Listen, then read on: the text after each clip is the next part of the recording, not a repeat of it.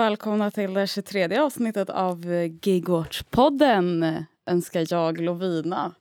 Och eh, jag, Jakob. Vad, vad tänkte du prata om idag Lovina? Jo, men jag har eh, läst på lite. Jag blev nyfiken efter förra avsnittet när Anton pratade om att det fanns liksom någon slags eh, mjukvara eller typ så här gemensam plattform för eh, cykelbudskooperativ Okej, med för detta gigarbetare. spännande. Eh, så jag läste på lite om den eh, plattformen. Vad ska du prata om? Eh, jag ska prata om en eh, bok som jag har läst som eh, nyligen har kommit ut som heter Work without the worker. Labour in the age of platform capitalism av Mm. en författare som heter Phil Jones. Den ser väldigt kort och bra och snygg ut. Ja, eh, jag älskar böcker som är typ 100 sidor långa. Den perfekta längden. Verkligen. Eh, ja, men den, eh, den eh, läste jag på en dag typ. Så eh, den kan jag rekommendera om man inte gillar att sitta och läsa böcker i flera veckor. Innan vi sätter igång och snacka så tänkte jag också skicka ut ett tack till alla som stöttar oss på Patreon. Vi har eh, nu kunnat eh, använda lite av de pengar vi har fått in till att köpa in eh, nya mickar till Gigwatch. Så snart kommer ni kunna höra podd från en massa andra städer i Sverige, från våra medlemmar där. Så det är skitkul. Ja. Gigwatch National. Exakt. ja. Och jag kan lägga till också att om ni vill stötta oss på Patreon så kan ni göra det på www.patreon.com gigwatch. Riktig 2005-stämning och säga www. Verkligen. Men vi kör igång tycker jag. Ja, Som sagt, i förra avsnittet så berättade Anton eh, efter att han hade varit på den här eh, EU-konferensen för organiserade gigarbetare att eh, det fanns några liksom som eh, speciellt i Spanien, om jag minns rätt, ja som drev liksom cykelbudskooperativ efter att de, eh, alltså de hade var, jobbat för liksom typ matbuds eh, gigappar och sen tröttnat på det och startat något eget. Eh, och att de använde liksom någon slags eh, plattform som eh, tillhandahölls av eh, ja, någon kooperativ grej. Eh, och det är Ett den här, annat kooperativ. Ja, nej, eller inte ett kooperativ, men det alltså att det liksom är alla typ använder samma plattform. Ah, okay. Och det är den plattformen jag har kollat in. Fan Eh, vad spännande. ja, Det är, någon så här, eh, alltså det är flera olika cykelkooperativ som använder den då? Så det är Exakt. någon slags eh, open source-grej eller något liknande? ja, typ. Eh, den heter Coop Cycle. Mm. Eh, och den är fransk från början. Och det är liksom en federation av... Ja, jag kommer inte ihåg hur många som är anslutna till den. Det finns liksom en karta. Men det är liksom i flera europeiska länder Mm. eh, av liksom såna här cykelkooperativ som är anslutna till dem.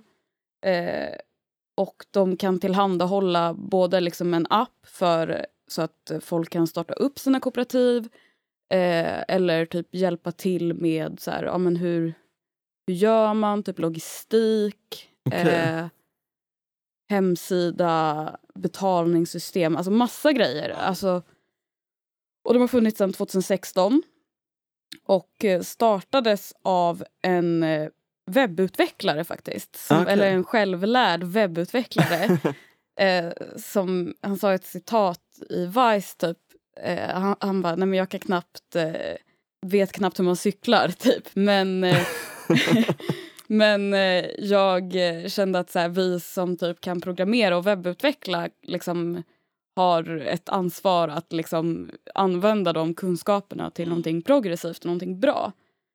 Det tyckte jag kändes jättepeppande, för det är ju någonting vi har pratat om. Att, eh, att webbutvecklare på alla de här apparna och eh, dylikt skulle kunna göra mer, to be honest. Ja, verkligen. Eh, Samtidigt som man fattar att de inte gör det eftersom de får ju sina pengar från att folk cyklar runt. ja, Eh, absolut. Eh, nej, men det tyckte jag var kul. ja, Eh, och eh, det är inte open source, det är typ open source. mm, Företag inte ska få liksom, använda det. ah, Så man måste mejla dem och liksom säga typ vilka man är och vad man gör. Och då får man liksom hela källkoden. Just det. Om man ska använda det för att typ uh, exploatera folk. Ja, liksom. exakt. Eh, och då, Fan vad intressant. precis, och kooperativ är ju liksom att det ska vara ägt och styrt av de som arbetar. Mm. Eh, det är också liksom varit att liksom slippa den här mellanhanden helt enkelt. Vilket ju är ganska effektivt och liksom att alla ska att inte alla ska behöva utveckla varsin plattform. Det är ju faktiskt skitdyrt. Ja, Eh, och det finns väl liksom viss trend i det här med att eh, starta arbetarkooperativ typ inom som ganska så prekära eh, arbeten. mm. Eh, jag läste också om någon städservice typ i USA. Och jag, jag funderade lite på typ så här, okay, men vad, det är ändå ganska dyrt typ att starta upp sånt här. Eller liksom var, var kommer de här pengarna ifrån? Alltså pengarna för att starta upp eh, liksom budkooperativ? Eller? Ja, exakt. Ja.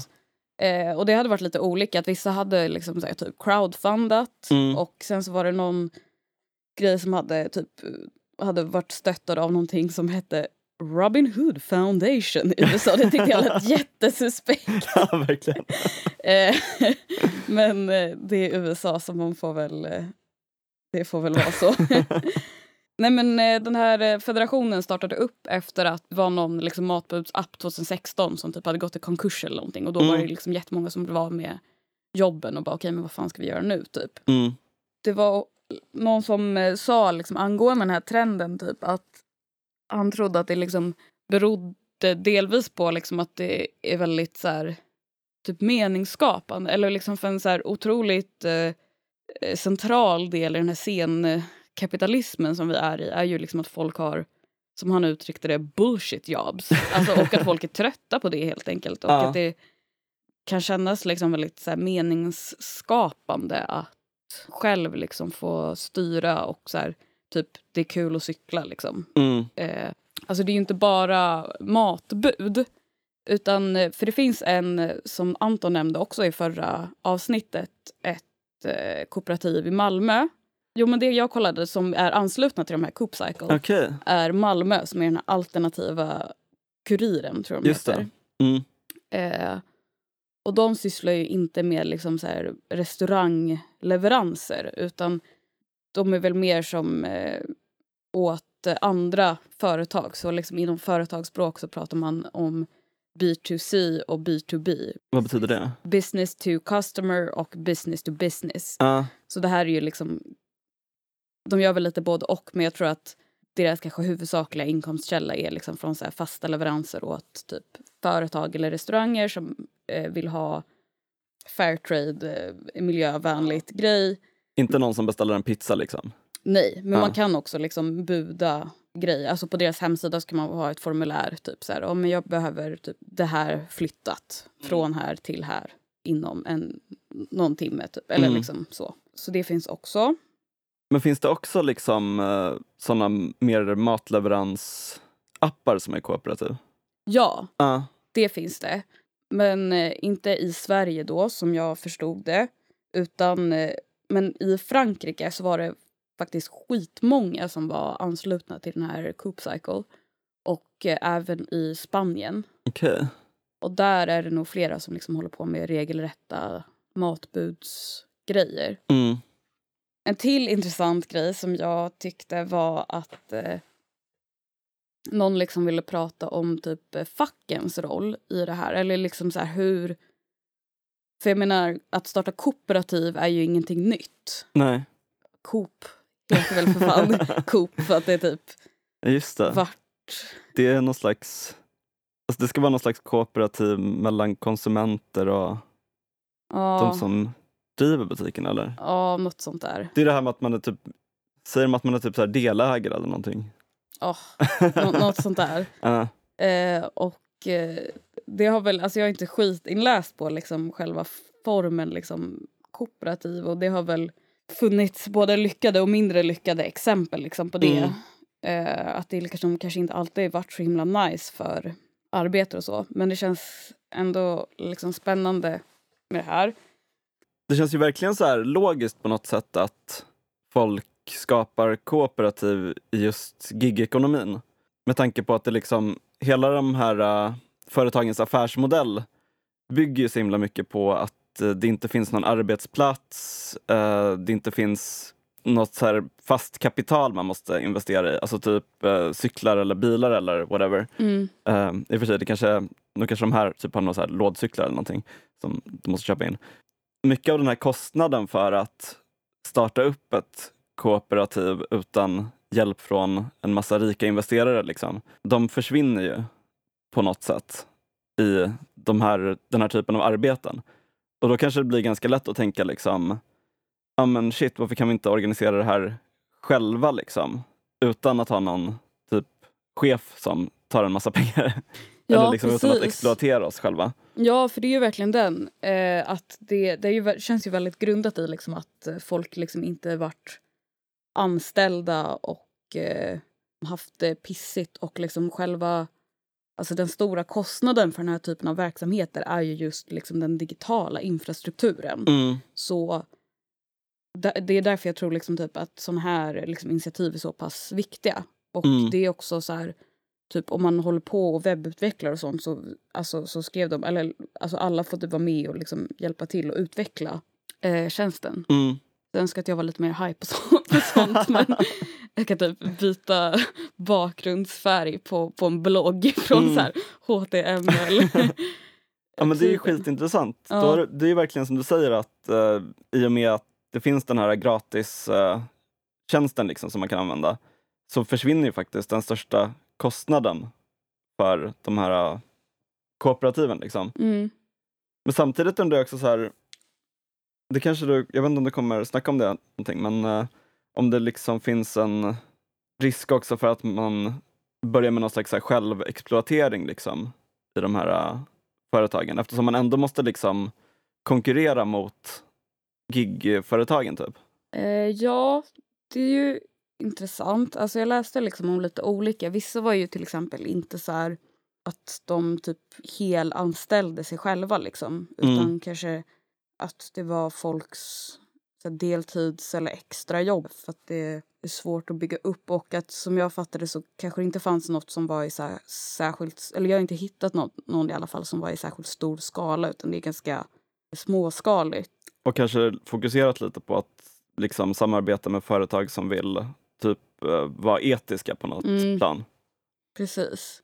Så ja, alltså jag tror absolut att den risken finns. Eller det är väl det som kanske är lite inbyggt i den här liksom kooperativformen. Mm.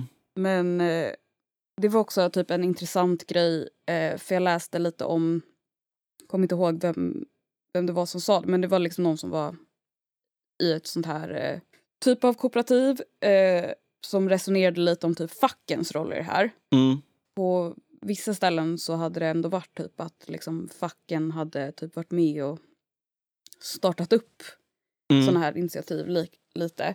Men att det liksom inte finns typ någon så här infrastruktur riktigt för eh, facken typ hur de ska jobba med kooperativ. Ja. Eh, Alltså inga liksom rutiner eller Exakt. ja, erfarenhet liksom. mm, och jag vet inte om det liksom kanske ser annorlunda ut i Sverige eller så. Misstänker typ att det inte gör det.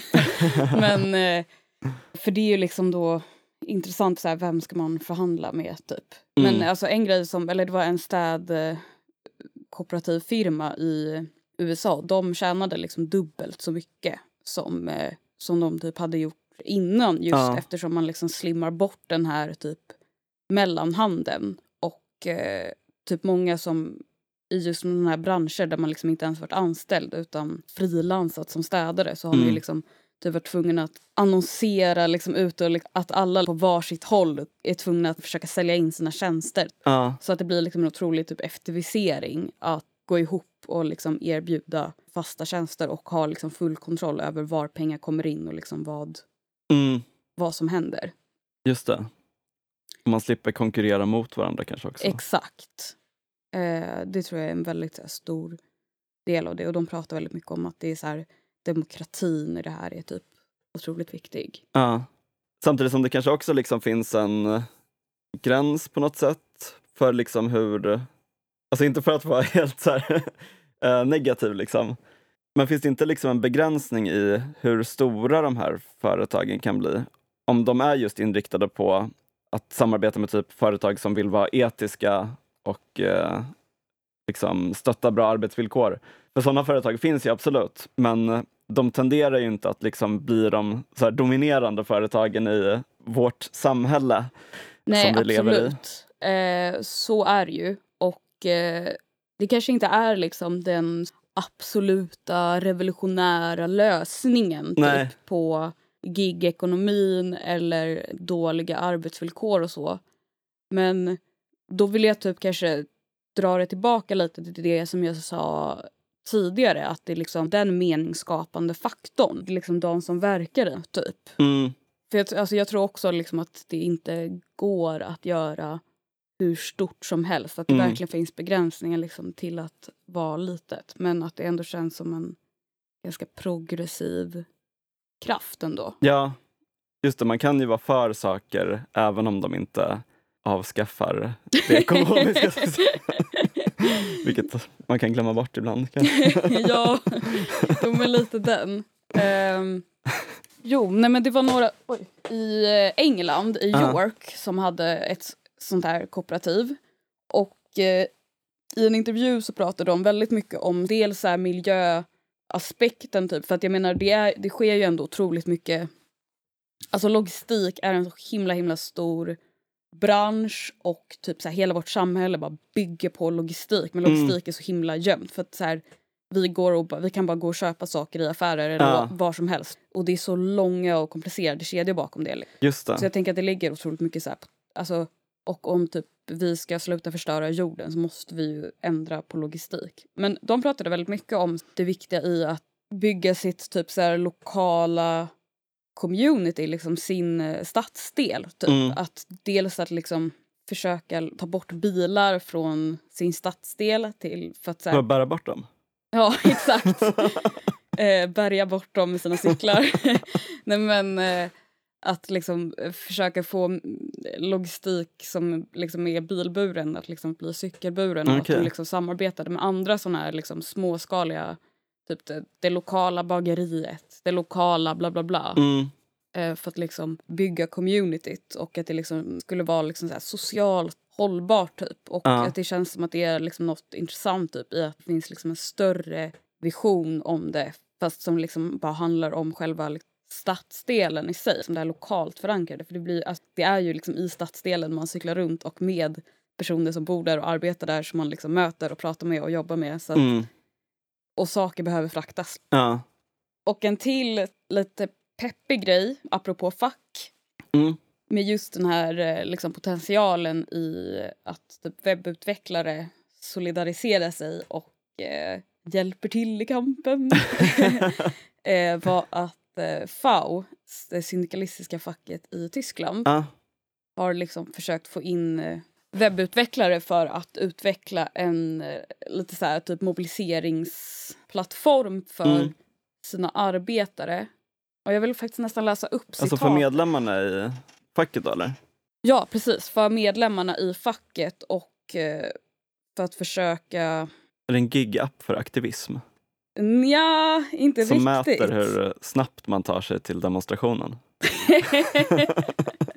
ja, man levlar och man affischerar mycket. Nej, men eh, så här eh, stod det. The FAO Union has gathered a group of developers to create its own online platform where riders can log in to discuss what to include in their collective agreement and vote on it.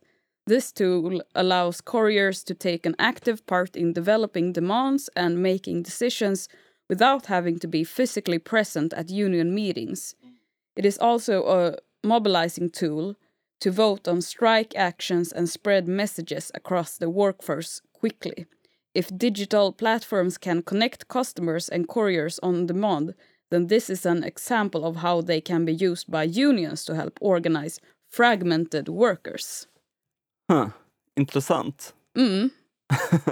Så det är ju verkligen typ det också som vi pratat om. Att, alltså det är inte teknik i sig som är ont eller liksom av Mm. ondo utan så här, det är ju alltid politik det handlar om. Och det här verkar ju vara ett sätt att ja, men, eh, använda tekniken och det här liksom flexibla eller vad man ska säga till sin fördel. Mm. Och det tycker jag känns jättespännande och ska bli jättespännande att följa liksom hur det går. Ja. Det där är ju alltså det är intressant också med liksom vad ska man säga, liksom så klasspositionen som programmerare har. Med tanke på, om man ser liksom de senaste typ 30 åren så har ju det varit lite en bristvara, liksom. programmerare med eh, de kompetenser som behövs. Vilket har gjort att de liksom har kunnat pressa upp sina löner ganska mycket. Om man liksom ser det som motsatsen då till gigekonomin. Där eh, till exempel det man behöver är ett körkort eller en cykel, vilket väldigt många har, vilket gör att det liksom blir ett överflöd av arbetskraft på något sätt.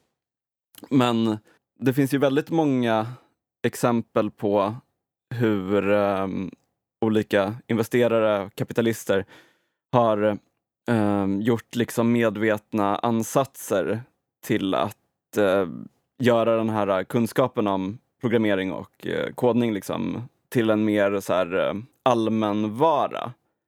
Uh, genom till exempel att ha olika så här, code camps för barn i typ fattiga mm. områden mm. och sånt. Som verkar väldigt liksom, snällt och så på ytan men det finns ju definitivt någon slags, något slags mål med det. Som är att lite så här, bryta den starka positionen som programmerare har på arbetsmarknaden genom att eh, göra deras kunskap mer spridd. Liksom. Men då på samma gång så kanske man kan se det som att de lite sätter sig själva i skiten genom att göra det. Att om eh, programmerare alltså får en sämre position på arbetsmarknaden, då kanske de också på ett annat sätt vänder sig mot arbetsgivarna. Verkligen, och det känner jag att det liksom nästan är lite på gång. När vi hade den här digitala studiecirkeln mm. i, i vintras, eller typ för ett år sedan, då var det ju nästan bara programmerare som hade ja, hittat mycket. dit. Liksom. Och många vittnade om liksom, att de jobbar på någon slags här, ganska otrygg konsultbasis. Ja, liksom. verkligen. Eh, och typ därigenom hade liksom hittat in i så här, hm, vad är gigekonomi? Ja, gigwatch, vilka är det? Det här låter ju bra typ. Mm. Eh, och att det liksom rimmade bra med deras egna värderingar och så. Mm. Och det är sjukt många i den branschen också som liksom inte är fackligt organiserade, inte har kollektivavtal. Vilket också liksom kanske har kunnat fungera på grund av att de har just de här uh, specialkompetenserna som de kan liksom köpslå med.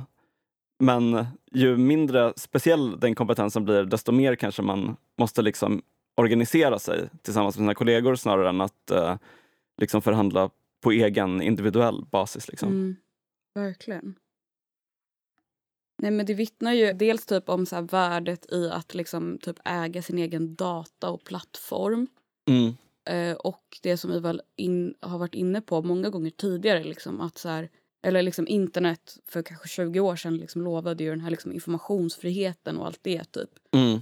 Vilket det ju liksom fortfarande finns potential i men så här, typ nu så är ju mycket, alltså all data är ju liksom så himla värdefull eller liksom det är ju det som typ så här, typ alla såna här techföretag går runt på är att samla in data om sina användare för att sälja ja. annonser. Liksom. Och det är liksom en helt bisarrt enorm industri. Verkligen. Det är väl typ de liksom högst värderade företagen i världen. Ja. Är alla liksom sådana plattformsföretag? Ja, precis. För att de vet så mycket om sina kunder. Mm. Det är man själv som, när man använder sociala medier, som är varan som säljs. Mm. Och mycket av de här gigföretagen liksom handlar ju om att liksom låsa in sin algoritm och liksom inte dela med sig. Att så här, arbetarna alltid så här giss, försöker gissa sig till typ hur algoritmen fungerar. Mm. Och lyftes ju som ett krav på den här konferensen att eh, få insyn i... Den här i Bryssel som vi Exakt. pratade om i senaste avsnittet. Exakt, mm. att eh, få insyn i algoritmer är liksom ett stort arbetarkrav. Mm. Och med den här plattformen så har man liksom det från början. Mm, på något sätt. Exakt. Det här är, liksom, är ju liksom som ett så tecken på just den här informations... Eller liksom löftet om liksom så internets informationsfrihet. Liksom Information wants to be free. Exakt. Som folk sa då, typ. ja.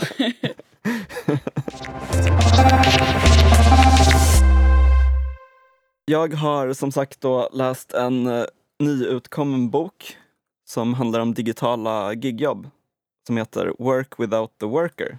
Och eh, den är skriven av en författare som heter Phil Jones som är med i en eh, brittisk tankesmedja som heter eh, Autonomy som håller på mycket med att opinionsbilda kring typ arbetstidsförkortning och eh, plattformskapitalism. Rätt cool grej, tycker jag.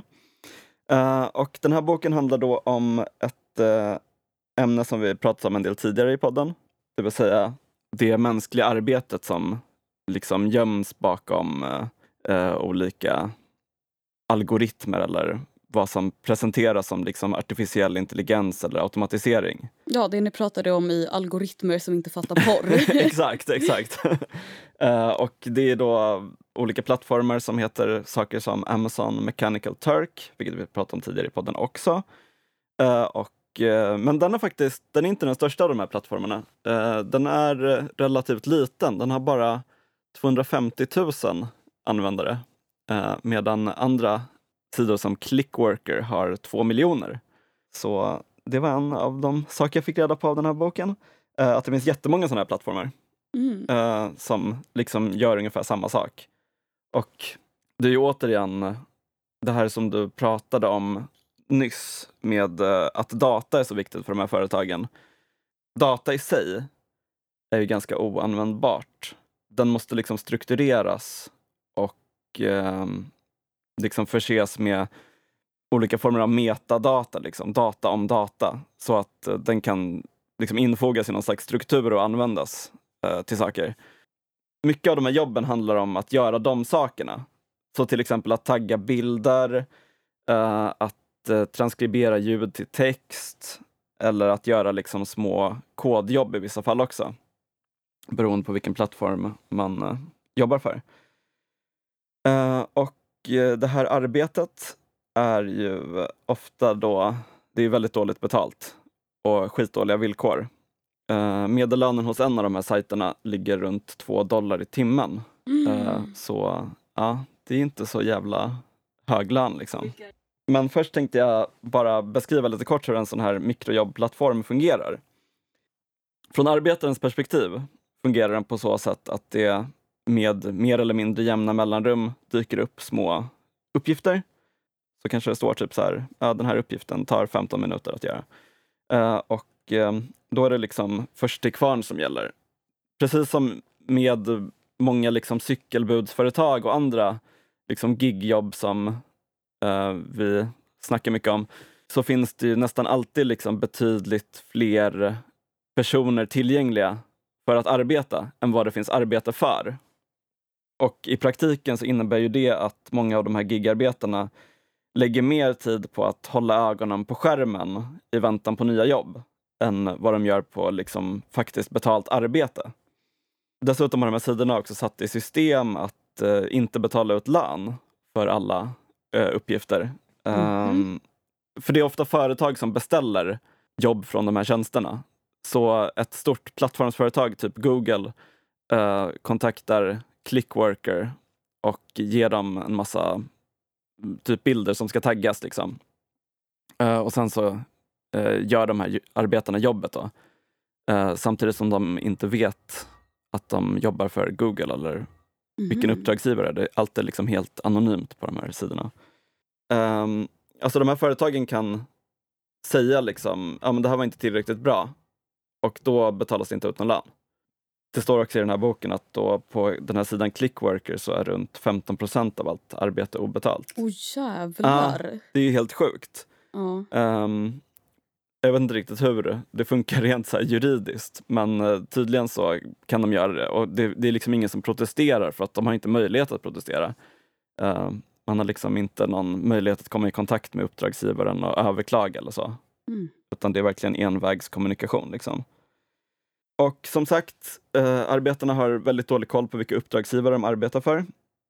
Eh, de vet inte heller eh, liksom vad målet är med de här små uppgifterna eller hur det liksom ska användas. För det, det är så små uppgifter eh, som är liksom så fragmenterade från varandra att det är, liksom, det är svårt att sätta ihop ett pussel. Liksom. Eh, du kanske ska tagga bilder med typ en, ett övergångsställe i. Uh, men du vet inte riktigt om det ska användas till typ alltså en självkörande bil eller till Google Maps eller någonting. Men det är ju som de här när man liksom eh, ska bevisa att man inte är typ en robot på Google. Ja, ja exakt. Men så, så egentligen så används det liksom. Uh, det är typ sådana grejer som man gör. Eh, men avlönat då istället för oavlönat som vi stackars människor som ska logga in på Gmail.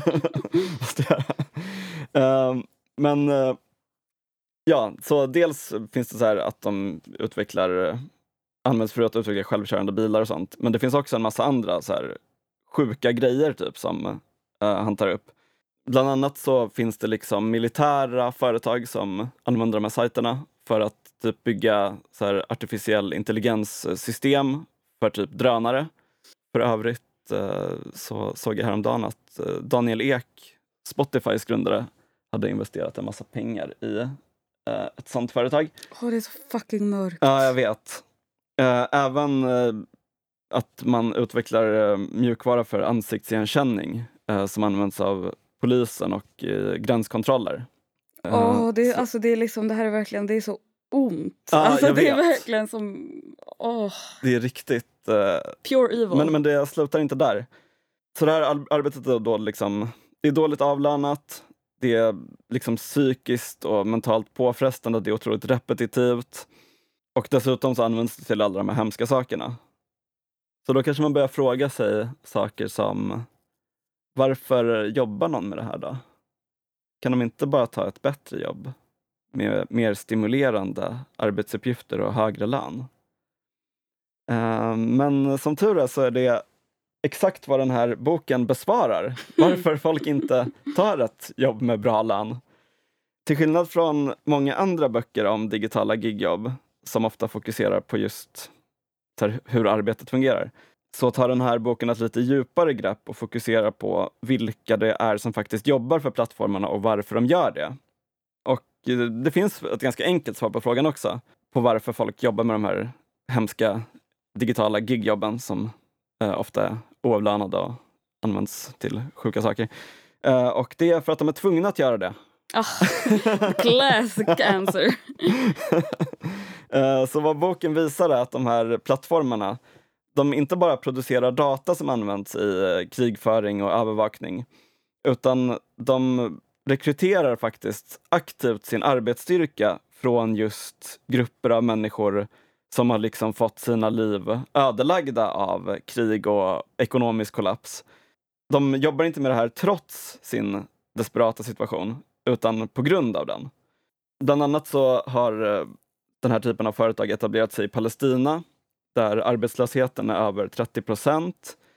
Och eh, de finns även så i olika flyktingläger, i Kenya till exempel, där det liksom då finns något centralt internetcafé i lägret där folk sitter och eh, jobbar med de här uh, grejerna. Liksom. I vissa fall rör det sig också om ett liksom, direkt tvång. Så boken tar till exempel upp att fångar i Finland uh, beordras att jobba för typ uh, Mechanical Turk som en form av straffarbete. Och då går den här lilla inkomsten till typ fängelset. Alltså det här är mörkaste jag, jag hört i det är nästan för mörkt alltså. Oh. Eh, men allra oftast handlar det liksom om då ett slags indirekt tvång. Att folk är liksom beroende av att försörja sig genom lönearbete samtidigt som det finns alldeles för få jobb. Och eh, på grund av att de här jobben som beskrivs i boken kan utföras var som helst i världen, där det finns en person och en dator, typ, eh, så har de också den här möjligheten att rikta in sig på de platser på jorden där den ekonomiska situationen är som allra sämst.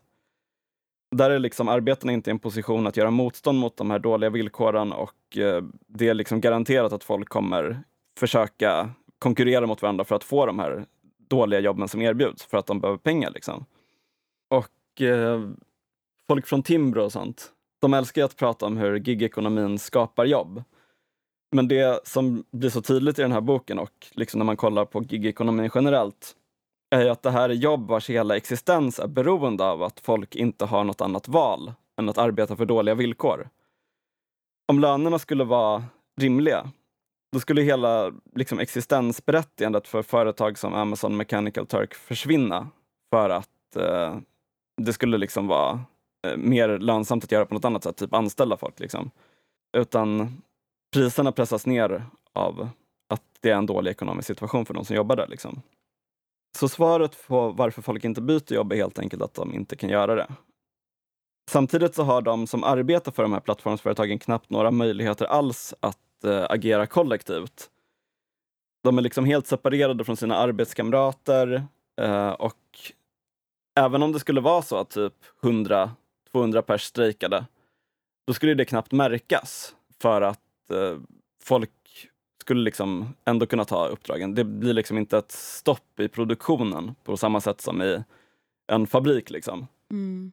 Författaren är lite skeptisk på ett plan till facklig organisering, vilket jag tyckte var intressant. Um, eller han är inte skeptisk till att det liksom är bra med facklig organisering, men han är skeptisk till att det finns en stor möjlighet till att till exempel strejka. Men det innebär inte att folk liksom inte agerar ändå för att förbättra sina livsvillkor. Jo, men istället för liksom strejker så lyfter han fram de här äh, sociala rörelserna som vi har sett under de senaste tio åren.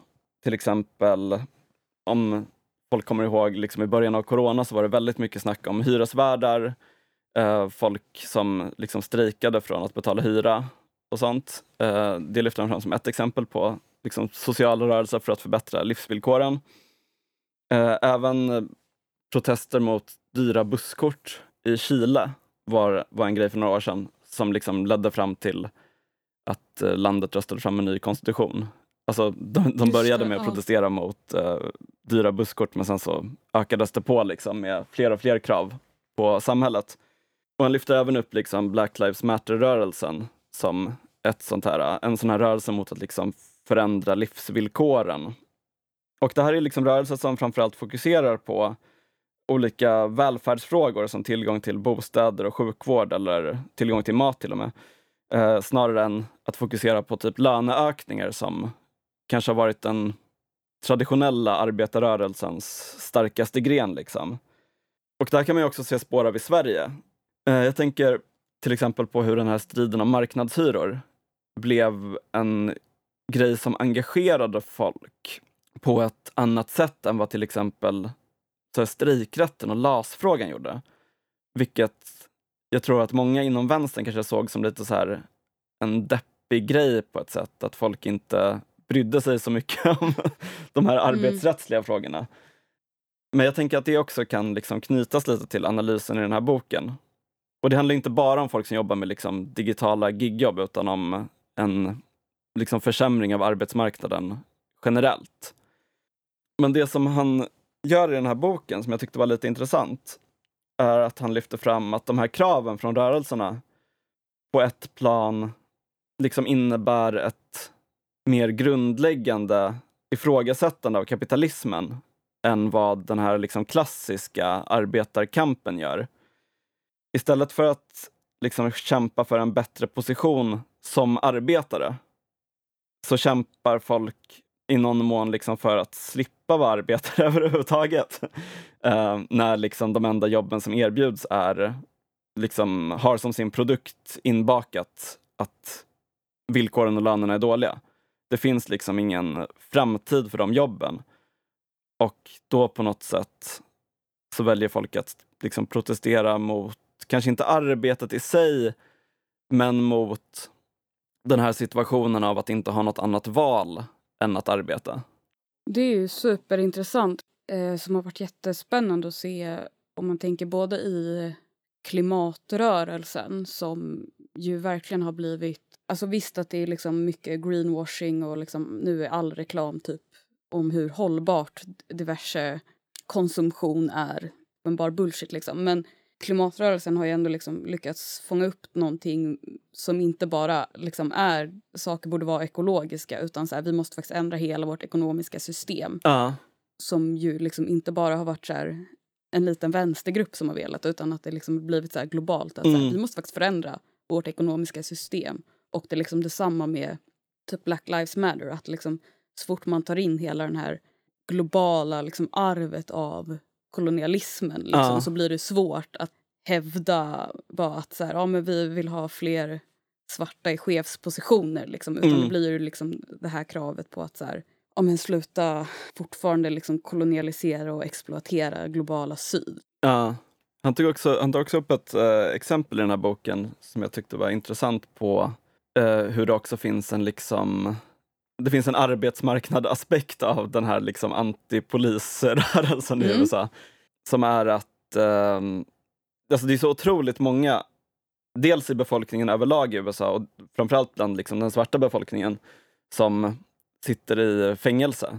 Eh, och eh, den här gruppen liksom utför en massa typ antingen gratis eller väldigt lågavlönat arbete i fängelset och är dessutom liksom missgynnade på arbetsmarknaden när de kommer ut därifrån.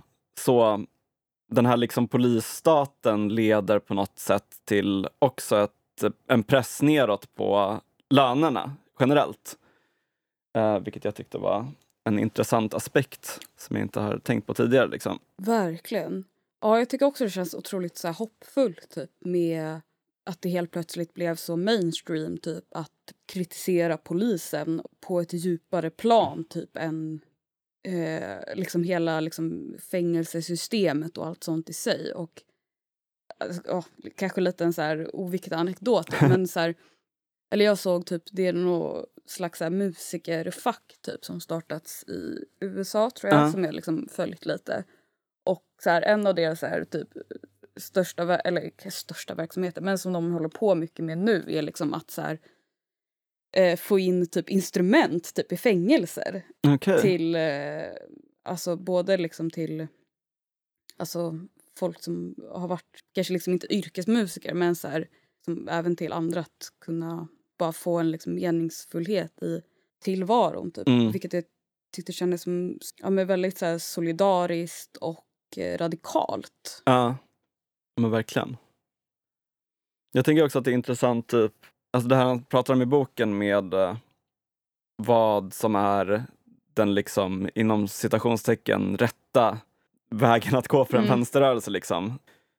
Och många kanske har varit fokuserade väldigt mycket på det här liksom mm, löneökningar och eh, den rent liksom fackliga kampen för bättre villkor.